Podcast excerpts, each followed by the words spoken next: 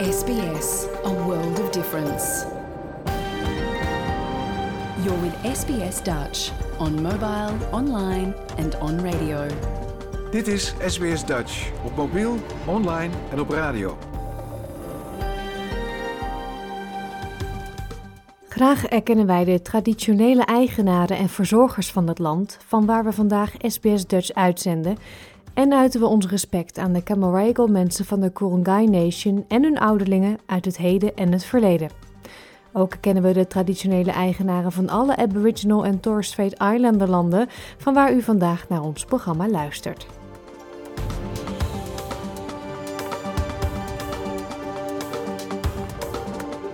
Een hele goede morgen, mijn naam is Paulien Roesink.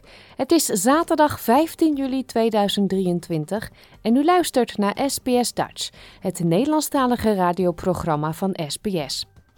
Wat is er heerlijker dan in de winter een heerlijke dampende stampot op tafel te zetten? Nicole van Holten van foodblog The Dutch Table heeft een paar smakelijke tips vandaag. In dit uur ook een nieuwe miniles Nederlands met Joyce Diebels. Ze praat over de E aan het einde van een bijvoeglijk naamwoord. Astrid van Schoonakker bespreekt een boek van Francine Ome. En dat is niet een traditionele roman, maar een graphic novel. Dat en het weekoverzicht van Nederlands nieuws en fijne muziek allemaal later. Eerst de actualiteit hier in Australië. SBS Dutch op mobiel, online en op radio.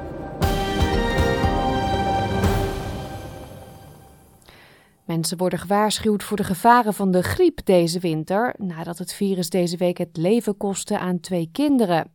In New South Wales overleed een negenjarig kind en in de Sunshine Coast in Queensland stierf een elfjarig kind nadat ze influenza B hadden opgelopen. Hoewel het aantal patiënten dat met griepverschijnselen in het ziekenhuis belandt stijgt, neemt de vaccinatiegraad af.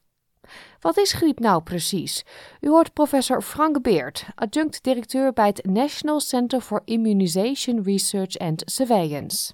Influenza is uh, caused by a virus, and the two main types of it are influenza A and influenza B.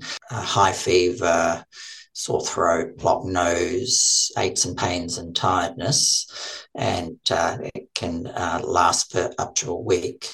A lot of there's a lot of other um, viruses that can cause similar symptoms, but tend not to be as uh, potentially serious as influenza, which can cause uh, complications like uh, pneumonia and um, inflammation of the heart, inflammation of the nervous system.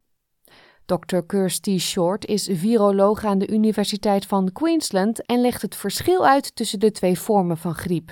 So, what's uh, different about influenza B is that it hasn't diversified to the same extent as influenza A. So, we just have um, what we would call two lineages of influenza B, where there's a plethora of influenza A.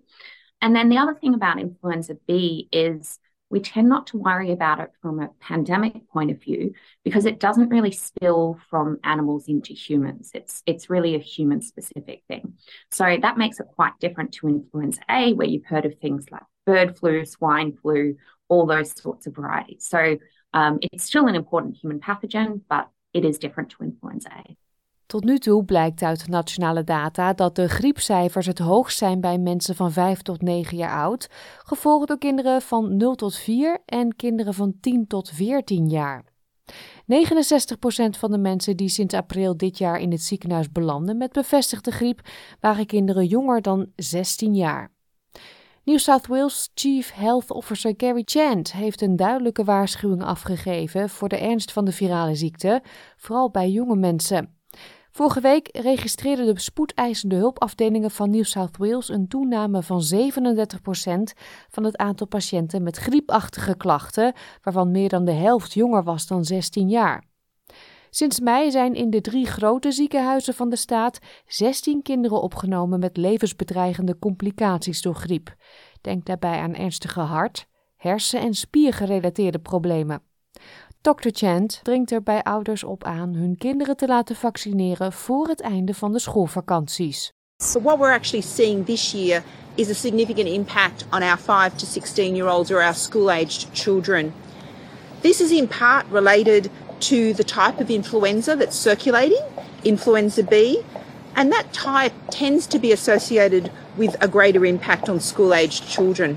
De Chief Health Officer van Queensland heeft deze zorgen herhaald. Hij verwees daarbij naar het hoge percentage niet gevaccineerde patiënten naarmate school weer wordt hervat. Dr. John Gerard zegt in een verklaring dat er drie keer meer ziekenhuisopnames waren voor influenza B dan voor influenza A, bij kinderen jonger dan vijf jaar. Professor Beert legt uit hoe deze weergave van influenza B bij jonge mensen kan worden veroorzaakt door een gebrek aan immuniteit. The concern in children would be that because there hasn't been any, there wasn't any influenza B circulating last year, and there wasn't any influenza at all in 2020 and 2021 that uh, children are more likely to not have been exposed to influenza B before, as opposed to adults who've had various infections over the years, both A and B, and also uh, vaccination, uh, which uh, can contribute to immunity as well. Professor Beert zegt dat griep behandeld moet worden als de ernstige en levensbedreigende ziekte die het zijn kan. Influenza can still cause severe disease and death in healthy adults, healthy children. So, which, which is why we recommend that people get vaccinated every year because influenza is a potentially lethal infect- infection. Vaccination is even more strongly recommended for people who are in those particularly high risk groups like small small children older adults people with medical conditions but it's it's re- recommended across the board because uh, it, it can still be a nasty disease Ja, waarom aarzelen mensen dan om een griepprik te halen? In Australië hebben dit jaar bijna 2 miljoen minder mensen zich laten vaccineren tegen de griep in vergelijking met dezelfde periode tussen maart en juli vorig jaar. Volgens het Australian Immunisation Register staat de teller dit jaar tot dusver op iets meer dan 8,5 miljoen griepprikken, terwijl dat er vorig jaar ruim 10 miljoen waren. Dr. Short zegt dat vaccinatiemoeheid een van de redenen kan zijn voor de teruglopende cijfers. What these cases highlight to us is really the importance of vaccination. And it, it's very difficult because I think people very much have vaccine fatigue. We've gone through a lot over the past few years and, you know, been asked to get a lot of vaccinations and a lot of boosters. Um, and maybe the flu doesn't feel like such a such a threat. Um, but it is really important to get vaccinated every year because the vaccine gets updated annually. Ze zegt dat het vooral belangrijk is voor zeer jonge kinderen onder de vijf jaar, ouderen en mensen met een verzwakt immuunsysteem. It's really um, strongly recommended for uh, certain individuals who have underlying health in, uh, health situations to get vaccinated, and in fact, for certain subgroups, the vaccine is freely available.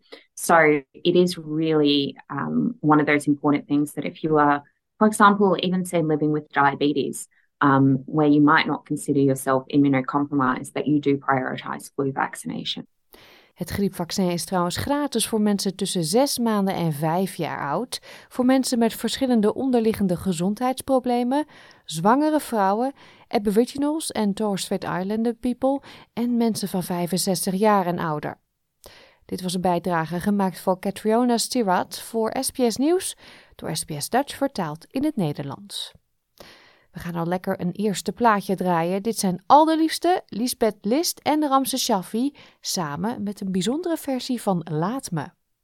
Graphic novels, oftewel literaire stripboeken, zijn reuze populair bij kinderen.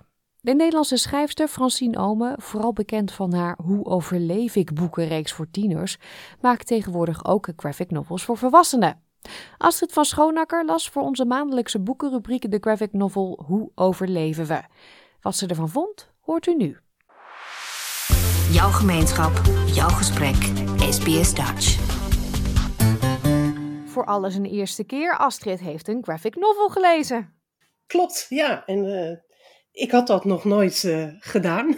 een beetje, ook daarom heb ik hem ook uitgekozen. Maar ook wel omdat ik uh, een podcast luisterde van Het Uur van NRC. Dat is een podcast uh, waarin dan een gast een uur lang uh, wordt geïnterviewd. En daar was uh, Francine Ome te gast. En daar vertelde zij een heel bijzonder verhaal. Want Francine Ome die ken je misschien wel van de Hoe overleef ik boeken. Mensen zijn- met, met kinderen, die moeten eigenlijk die naam wel kennen, denk ik. Ja, ze is natuurlijk, eh, wat dat betreft heeft ze, ik geloof al bijna 3 miljoen eh, boeken daarvan verkocht. Dat is een serie geweest.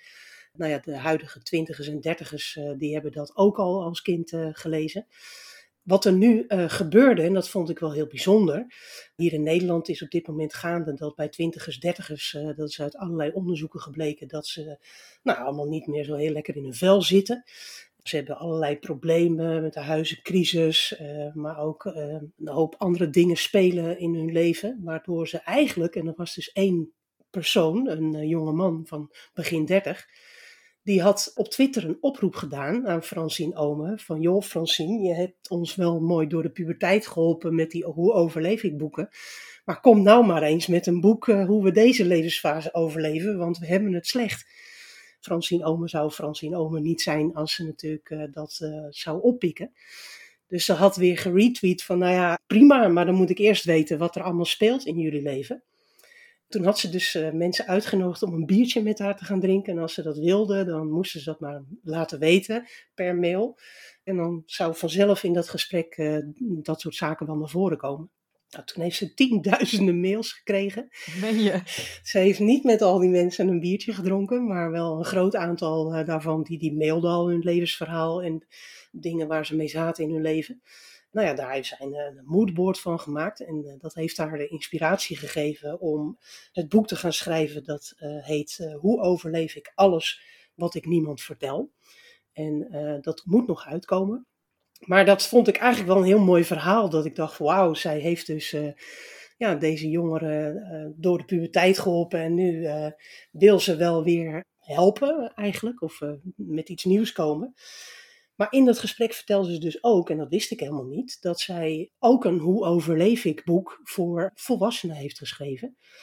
En dat is dus de graphic novel. Dus toen dacht ik, nou, ik ben en heel benieuwd hoe zij dat dan heeft aangepakt voor volwassenen. En ik had nog nooit een graphic novel gelezen, dus ik denk, nou, dan wil ik dat zeker eh, wel zien en ook lezen. Dus toen eh, heb ik eh, Hoe overleven we, want zo heet dat boek wat ze heeft geschreven voor volwassenen. En eh, ja, daar eh, was ik eh, aangenaam door verrast. Toen je daaraan begon, wist je waar het over ging? Want hè, van de kinderboeken is het hoe overleef ik de brugklas? Hoe overleef ik een vriendje of, of die, die leeftijd? Hoe overleven we? Ja, en dan houdt het op volgens mij die titel. Dat klopt, ja. Ik heb natuurlijk wel even stiekem gekeken eerst voordat ik het boek bestelde. Waar het dan over ging. Hè? Want ja, terecht, het, er komt niks achter zoals we gewend zijn van de jeugdboeken. En eh, nou ja, toen kwam het eigenlijk al dat het eh, ging over liefde en moederschap en het verband daartussen. Dus toen was ik ook al wel een beetje getriggerd, maar toen wist ik nog niet eh, helemaal precies waar het over zou gaan. Maar dat wordt wel eigenlijk al bij de eerste paar pagina's. Want als je het boek opslaat, kunnen de mensen natuurlijk nu niet zien. Ik zal het proberen te beschrijven. Het is met haar handschrift. Zij beschrijft dat ook in haar eigen handschrift. Zo is dat ook opgenomen in het boek. En zij is ook illustrator, dus er zitten hele leuke tekeningetjes ook bij. Maar ook foto's. Bijvoorbeeld, het verhaal begint als zij bij haar moeder op bezoek is in een verzorgingstehuis. Want haar moeder is dementerend. Nou, haar moeder die eh, houdt, zoals heel veel oudere dames in Nederland, van een glaasje advocaat met slagroom. En daar heeft ze dan heel grappig een foto van gemaakt. En die zit dan in die tekst en bij die illustratie. En dat maakt ja, iedere pagina, dus iedere bladspiegel, als je hem openslaat, dan is het weer een soort verrassing. En is er heel veel te zien. Naast dat ze dus hè, de dingen schrijft, want je leest ook als lezer.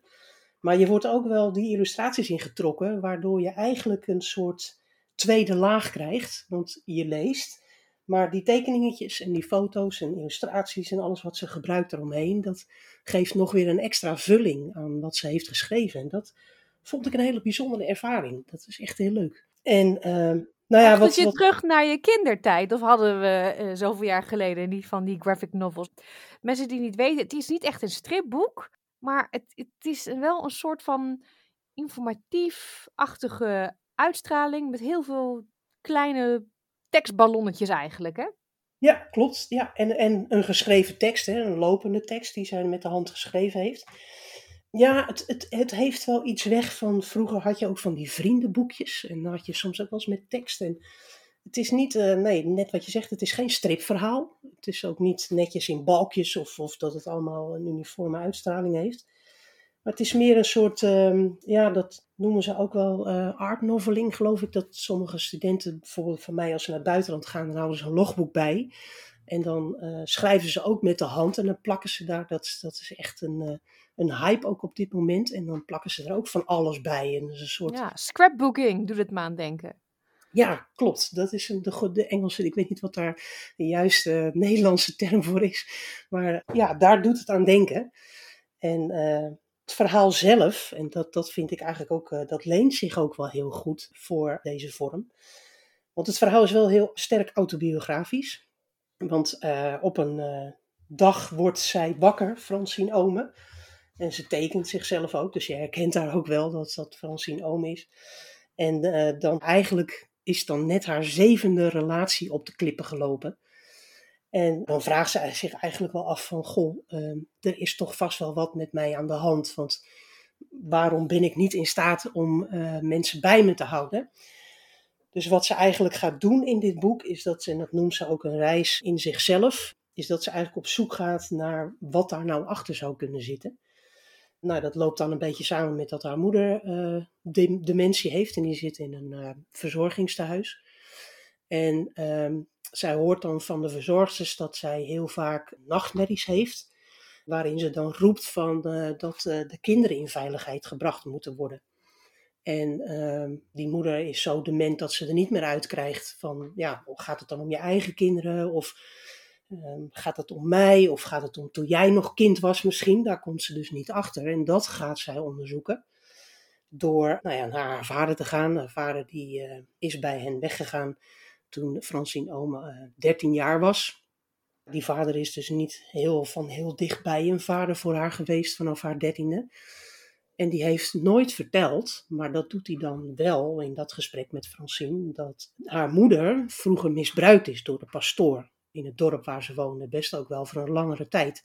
Zelfs toen dus die vader en moeder van Francine al, oma al verkeringen hadden met elkaar. Maar ja, dat was in een tijd van ja, ingewikkeld. En uh, nou ja, moet maar niet te veel de was buiten hangen. En het is dan toch de pastoor. Maar ja, die moeder, die heeft daar wel haar hele leven daar heel veel last van gehad. Zonder dat iemand dat wist. Want zij heeft dat hele, haar hele leven dat vreselijke geheim bij zich gedragen. Maar dat heeft consequenties gehad. En eigenlijk ook weer consequenties voor Francine Ome. Want als klein meisje en op haar dertiende ging haar vader bij hen weg. En er gebeurde op dat moment in haar leven of van dat gezin nog meer rare dingen. Maar dat zal ik niet vertellen. Want als de mensen het zelf gaan lezen, dan uh, is het uh, niet leuk om het nu al te verklappen. Maar wat er eigenlijk gebeurde, is dat zij als klein meisje in een rol kwam, uh, niet zozeer van het kind bij de ouder, maar dat zij eigenlijk de ouder werd voor haar moeder. Want haar moeder uh, raakte depressief, dus ja, ze was een beetje een klaagmuur voor haar moeder. Ze moest ook voor haar moeder zorgen. Nou ja, het leuke in dit boek, want dat maakt het dat het niet zomaar een 13 in dozijn zelfhulpboek is.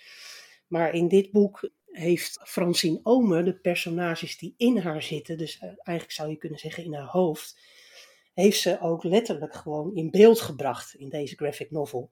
En de belangrijkste uh, personage in dit boek is dan wel uh, dokter Anders Mol.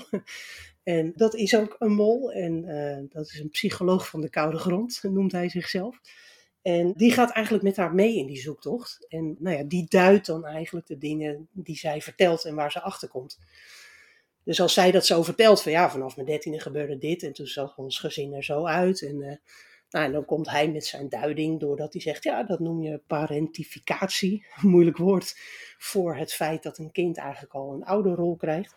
En zo neemt Mol haar eigenlijk mee door uit te leggen wat er gebeurd is, dat het gedrag dat zij is gaan vertonen dan eigenlijk helemaal niet zo gek is. En hij helpt daar ook inzicht te krijgen in al die andere personages die Francine Ome in zich heeft. En, en nou ja, er wordt ook misschien wel een beetje gesuggereerd dat wij dat allemaal hebben. Want zo zijn er ook uh, twee hele bijzondere personages. Die heten de zussen Knaag en Knak.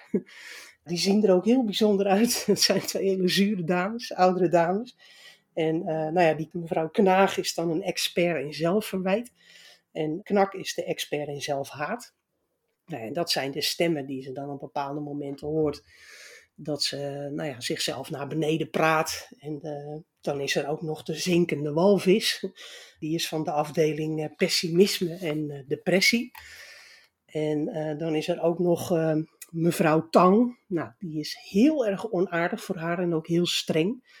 Maar gelukkig is dan ook Kloeker, en dat is een hele grote dikke moederkip. En die is dan juist heel aardig en troostend op de momenten dat ze dat nodig heeft. En dat maakt dit boek zo leuk en niet zo'n zwaar zelfhulpboek van goh, hè, er van alles in je leven gebeurt en daardoor vertoon ik dit gedrag. Maar ze maakt het eigenlijk heel luchtig door die personages, maar eigenlijk ook heel inzichtelijk, want je gaat het wel heel goed begrijpen wat er nou voor gezorgd heeft, hoe die moeder in het leven stond en hoe Francine Omen nu in het leven staat. Dus dat is wel heel uh, bijzonder. Nou ja, verder heeft ze in het verhaal, en dat is dan ook wel, komt ze er toch achter nadat ze heeft gehoord dat haar moeder misbruikt is, dan uh, schrikt ze daar heel erg van. En dan komt dus ook naar voren dat zij dus eigenlijk hetzelfde meegemaakt heeft. En dat heeft zij in haar leven, dat ze 13 was, werd ze eigenlijk verwaarloosd. Want zij werd niet goed door haar moeder verzorgd, net als haar broertjes en zusjes ook niet.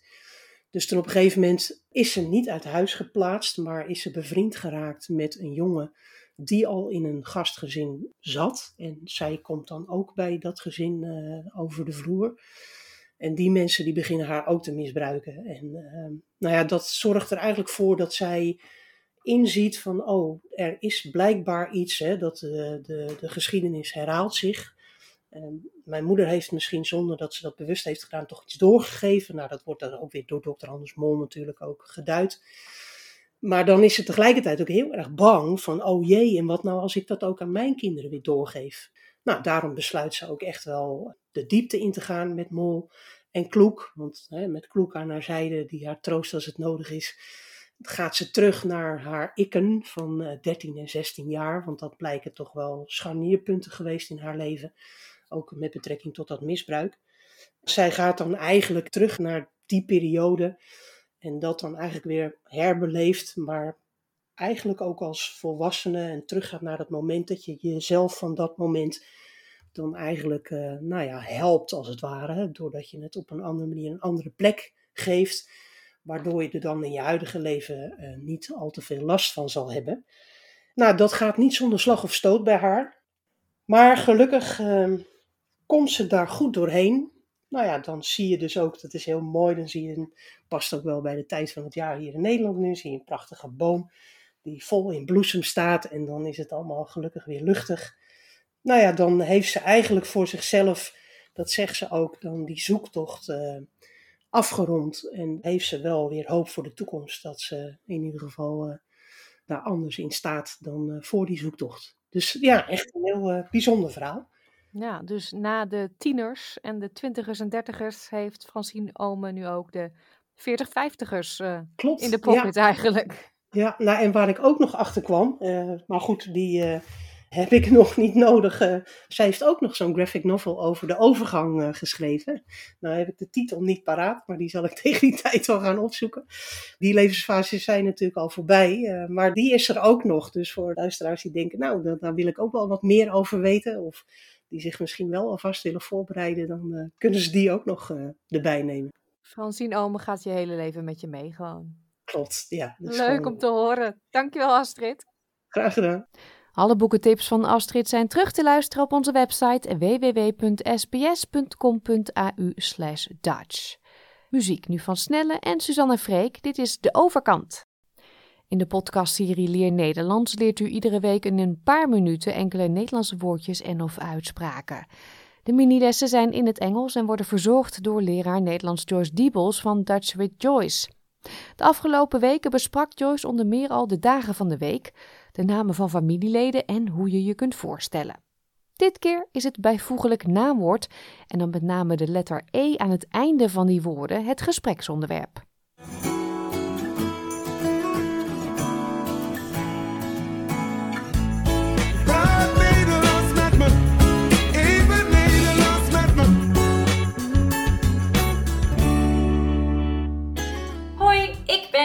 Joyce, and today we have another Dutch mini lesson. Today we're talking about our E. and don't worry, it doesn't sound as scary as the sound in English makes it sound. The E in English, to help you elaborate a little bit, the E in English is a silent E when it comes at the end of a word. So in English, we do say the, so T H E is the, so you do hear it there. But in other words, we often don't hear it. In Dutch, we like to pronounce our letters. We love it. Though exceptions are there, but the E is definitely not silent. It wants to be heard. And this is one of the biggest mistakes that students make. They see an E, but they don't say E. So, how does the E sound in Dutch at the end of a word? Well, that is a tiny bit different too. The E at the end of a word sounds like uh. So it actually has a lot in common with the way that we say the U in Dutch. It's similar. It sounds like uh. So if we say the word the in Dutch, it has two translations. It can either be de or het, but I just want to focus on the word de spelled D-E, de, e, and that is exactly what I want you to say with any word that ends in an E, in an E. So we see that, for example, with the word girl, which is meisje, e. So it ends in an E, and I want you to say the E. However, we also see this a lot with adjectives, so bijvoeglijk naamwoorden. And these are kind of like your detailed words that you often see in front of a noun, like a tall girl, a small girl, a big girl, a beautiful girl, etc. Those words in front of girl are adjectives, and we often see them with an E in Dutch after it. Like the big girl would be het grote meisje. Het grote meisje.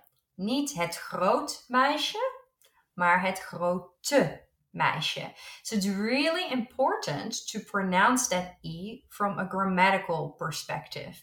Because if I don't want to say the big girl, but a big girl, I would say. Een groot meisje. Een groot meisje. So that is the exception to the rule. If we have an het woord, het meisje, but we want to make it undefined by using a, een, then we don't say that E. Whereas with any other option, we do pronounce that E and we do write that E. So we do have to make a conscious effort to pronouncing that E. So the best way to do that is literally put in your brain right now that with every E pronounced, it sounds like an E. As if you're thinking about what do I do with this E, you'd say uh, and that is the sound that I need you to make. So after the show, look at the website, look up a text in Dutch, and see if you can find some E's at the end of a word and try and pronounce them.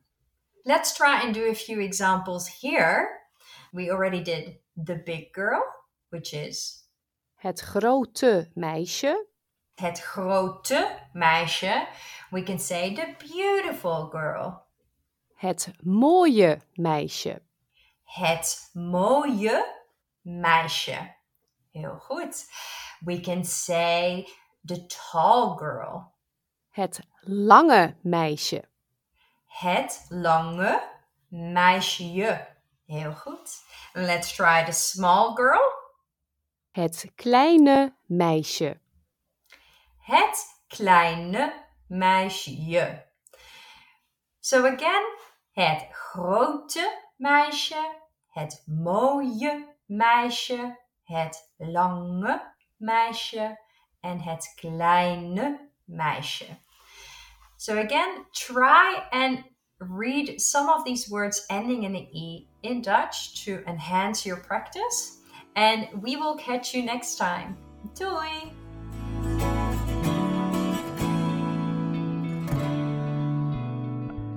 Alle oefenwoorden uit de les van vandaag zijn terug te vinden op onze website sps.com.au/dutch.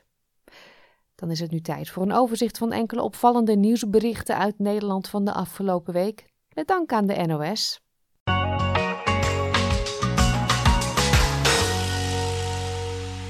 De gebeurtenis die het nieuws in Nederland al een hele week natuurlijk domineert, is de val van kabinet Rutte 4. Koning Willem-Alexander kwam terug van vakantie om het ontslag van het kabinet te bekrachtigen. En ook de Tweede Kamer kwam terug van zomerreces om te debatteren over de gebeurtenis. Demissionair premier Mark Rutte had voor aanvang van dat debat een belangrijke boodschap voor zijn collega's en het hele land. Gisterochtend heb ik het besluit genomen dat ik niet opnieuw beschikbaar ben als lijsttrekker van de VVD. Bij het aantreden na de verkiezingen van een nieuw kabinet zal ik de politiek verlaten. Mark Rutte keert dus niet terug in de politiek. Op straat wordt wisselend gereageerd op dat nieuws. De NOS sprak met enkele voorbijgangers op station Utrecht Centraal. Ik stond er niet van te kijken. Ik vind het wel jammer eigenlijk. Ik denk dat hij uh, um, goed zijn best heeft gedaan. En ook goede dingen heeft gedaan voor het land. Dat is een zekerheid. Ja? Alleen dat wordt natuurlijk een beetje overschaduwd. Door allerlei uh, andere dingen daaromheen. Die man heeft uh, echt heel veel gedaan voor Nederland. heel veel respect en bewondering. Maar we zijn nu wel toe aan een, aan een nieuwe ronde. En wie moet hem opvolgen? Ja, nou, goede vraag. Ja, wie binnen de VVD zou daar een goede opvolger voor zijn? Ik zou daar zo niet. Nee. Ja, ik denk dat Rutte daarin toch altijd de persoon is geweest die ja, daar uh, de boventoon uh, voerde. Ja. ja. maar goed, ik denk dat het CDA hetzelfde probleem heeft. Uh, wie gaat daar partijleider worden? Ja. En D66? Ja, en dat blijkt een hele terechte vraag van deze mevrouw. Want Sigrid Kaag heeft inderdaad ook aangekondigd te stoppen als leider van D66 en niet meer terug te keren in de politiek. De impact van haar werk op haar gezin was een belangrijke factor in haar afweging, zo lichtte ze toe. En zij uh, hebben last van de bedreigingen, van de beledigingen, van de aantijgingen. Um, en dat is natuurlijk niet van vandaag op gisteren. Dat, dat is al heel lang aan de gang. En je kunt je voorstellen, iedereen is mens. Niemand vindt zijn, wil zijn vader of moeder of uh, echtgenoot uh, dag in dag uit beledigd zien. Dus zij denken van, nou ja, er zijn ook andere mogelijkheden om land te dienen of zaken waar je voor staat, om daar een invulling aan te geven. U heeft ze vast wel eens gezien van die ijzeren pinnen op muren, hekken en daken die bedoeld zijn om vogels weg te jagen. Nou, de Nederlandse ekster blijkt niet onder de indruk van die antivogelpinnen en gebruikt de stekels zelfs om een nest te bouwen. U hoort bioloog Auke Florian Hiemstra. Dit is een vogelnest gemaakt van antivogelpinnen. En het is een nest van een ekster. En eksters maken niet alleen een kommetje, maar hebben een nest met ook een dak erop. En dat dak, daar kijken we eigenlijk bovenop. En voor die daken normaal gebruiken ze stekelige takken van meidoorn of sleedoorn. Eigenlijk ter bescherming van de jonkies daarbinnen. Zodat uh, kraaien niet de eieren of de jonkies kunnen stelen. Maar in de stad zijn niet zoveel stekelige planten. Of in ieder geval is een heel goed alternatief daarvoor. Namelijk antivogelpinnen. En dus hebben deze exers die antivogelpinnen van daken getrokken en die op hun nest gezet als bescherming. Steeds meer scholen die in de zomer open blijven, bieden hun leerlingen ook in die periode een maaltijd aan. Zo ook de Tamarschool in Den Haag. Directeur Jan Boer legt uit waarom. We komen best wel wat kinderen tegen waar het soms lastig is om uh, elke dag je broodtrommel uh, een beetje gezond vol te krijgen. En het leuke is ook dat je hebt, daar ook een leuk gesprek over van wat vind je nou lekker en wat is gezond en wat is uh, goed eten. Soms vinden ze het ook heel negatief, is niet eten en dat soort dingen. Maar heb je het daar ook weer over. Dus ja, buiten dat je gewoon een maaltijd aanbiedt, wat gewoon heel fijn is dat dat kan, heb je er ook heel veel andere effecten komen erbij. Tot zover dit willekeurig weekoverzicht van deze week. Dit keer met dank aan de NOS.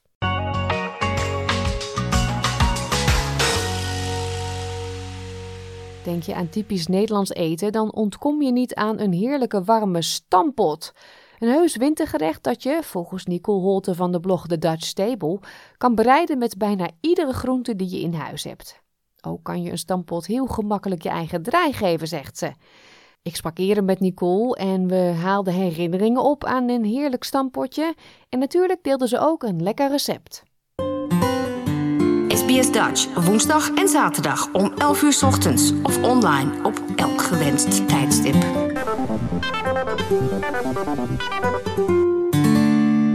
Ik ben heel, ik weet niet, melancholisch of zo door het weer. Ik heb de afgelopen weken zuurkool gemaakt. Ik heb erwtensoep gemaakt, stoofvlees gemaakt. Ik weet niet wat het is.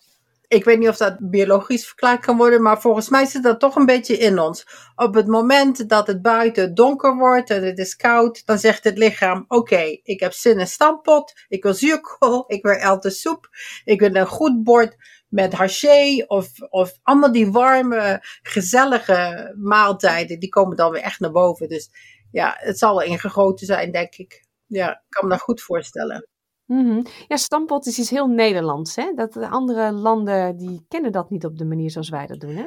Je hebt bepaalde variaties. Je hebt bijvoorbeeld in Ierland, geloof ik, heb je iets dat heet colcannon. En dat is dan groene of witte kool, gestampt met aardappelen. Maar zoals wij het eten, waar we echt drie, vier keer per week soms een goede stampot op tafel zetten met de verse groenten. En dan bij iedere stampot hoort natuurlijk een bepaald soort vlees. Dus dat is wel echt Nederlands, ja. Mhm. Dat bepaalde soort vlees, volgens mij is dat wel een beetje familieafhankelijk. Dat kan heel goed, Hoe je ja, dat kan heel goed. Maar ik merk wel op de website dat mensen dan toch zeggen van nou, bij een boerenkool hoort braadworst. Of bij... Rookworst. ehm, oh, rook, rookworst. Sommige mensen rookworst, ja, andere mensen gehaktbal. Of speklapjes. Ik denk dat je gelijk hebt, ja. Ik denk dat het inderdaad een beetje familiegebonden is. Mhm. Ja, hoeveel stampotten heb jij gegeten in je leven? Hoeveel soorten of hoeveel keer? Ja, laten we niet gaan natellen hoeveel stampotten je hebt gehad, inderdaad. Maar hoeveel soorten? Hoeveel ja. soorten stampot? Nou, eens even kijken. Boerenkool, stampot natuurlijk. Die staat, dat is echt het Nederlands. Dan heb, je, dan heb ik rode kool stampot. Die is heel lekker. Spruitjes, geroosterde spruitjes. En dan stampen met een mooi bloemig aardappeltje. Oh, dat is echt heerlijk. En dan natuurlijk zuurkool. En daar hoort dan wel of spek of gekruid gehakt bij, voor mij. Ehm, dan heb je nog witte kool, stampot. Is heel lekker. Zeker als je daar wat selderizaad of zo doorheen doet. Of een beetje mosterd. Dan heb je natuurlijk eh, hete bliksem. Dus aardappeltjes met een appeltje erbij. Het liefst een zuur appeltje en een zoet appeltje.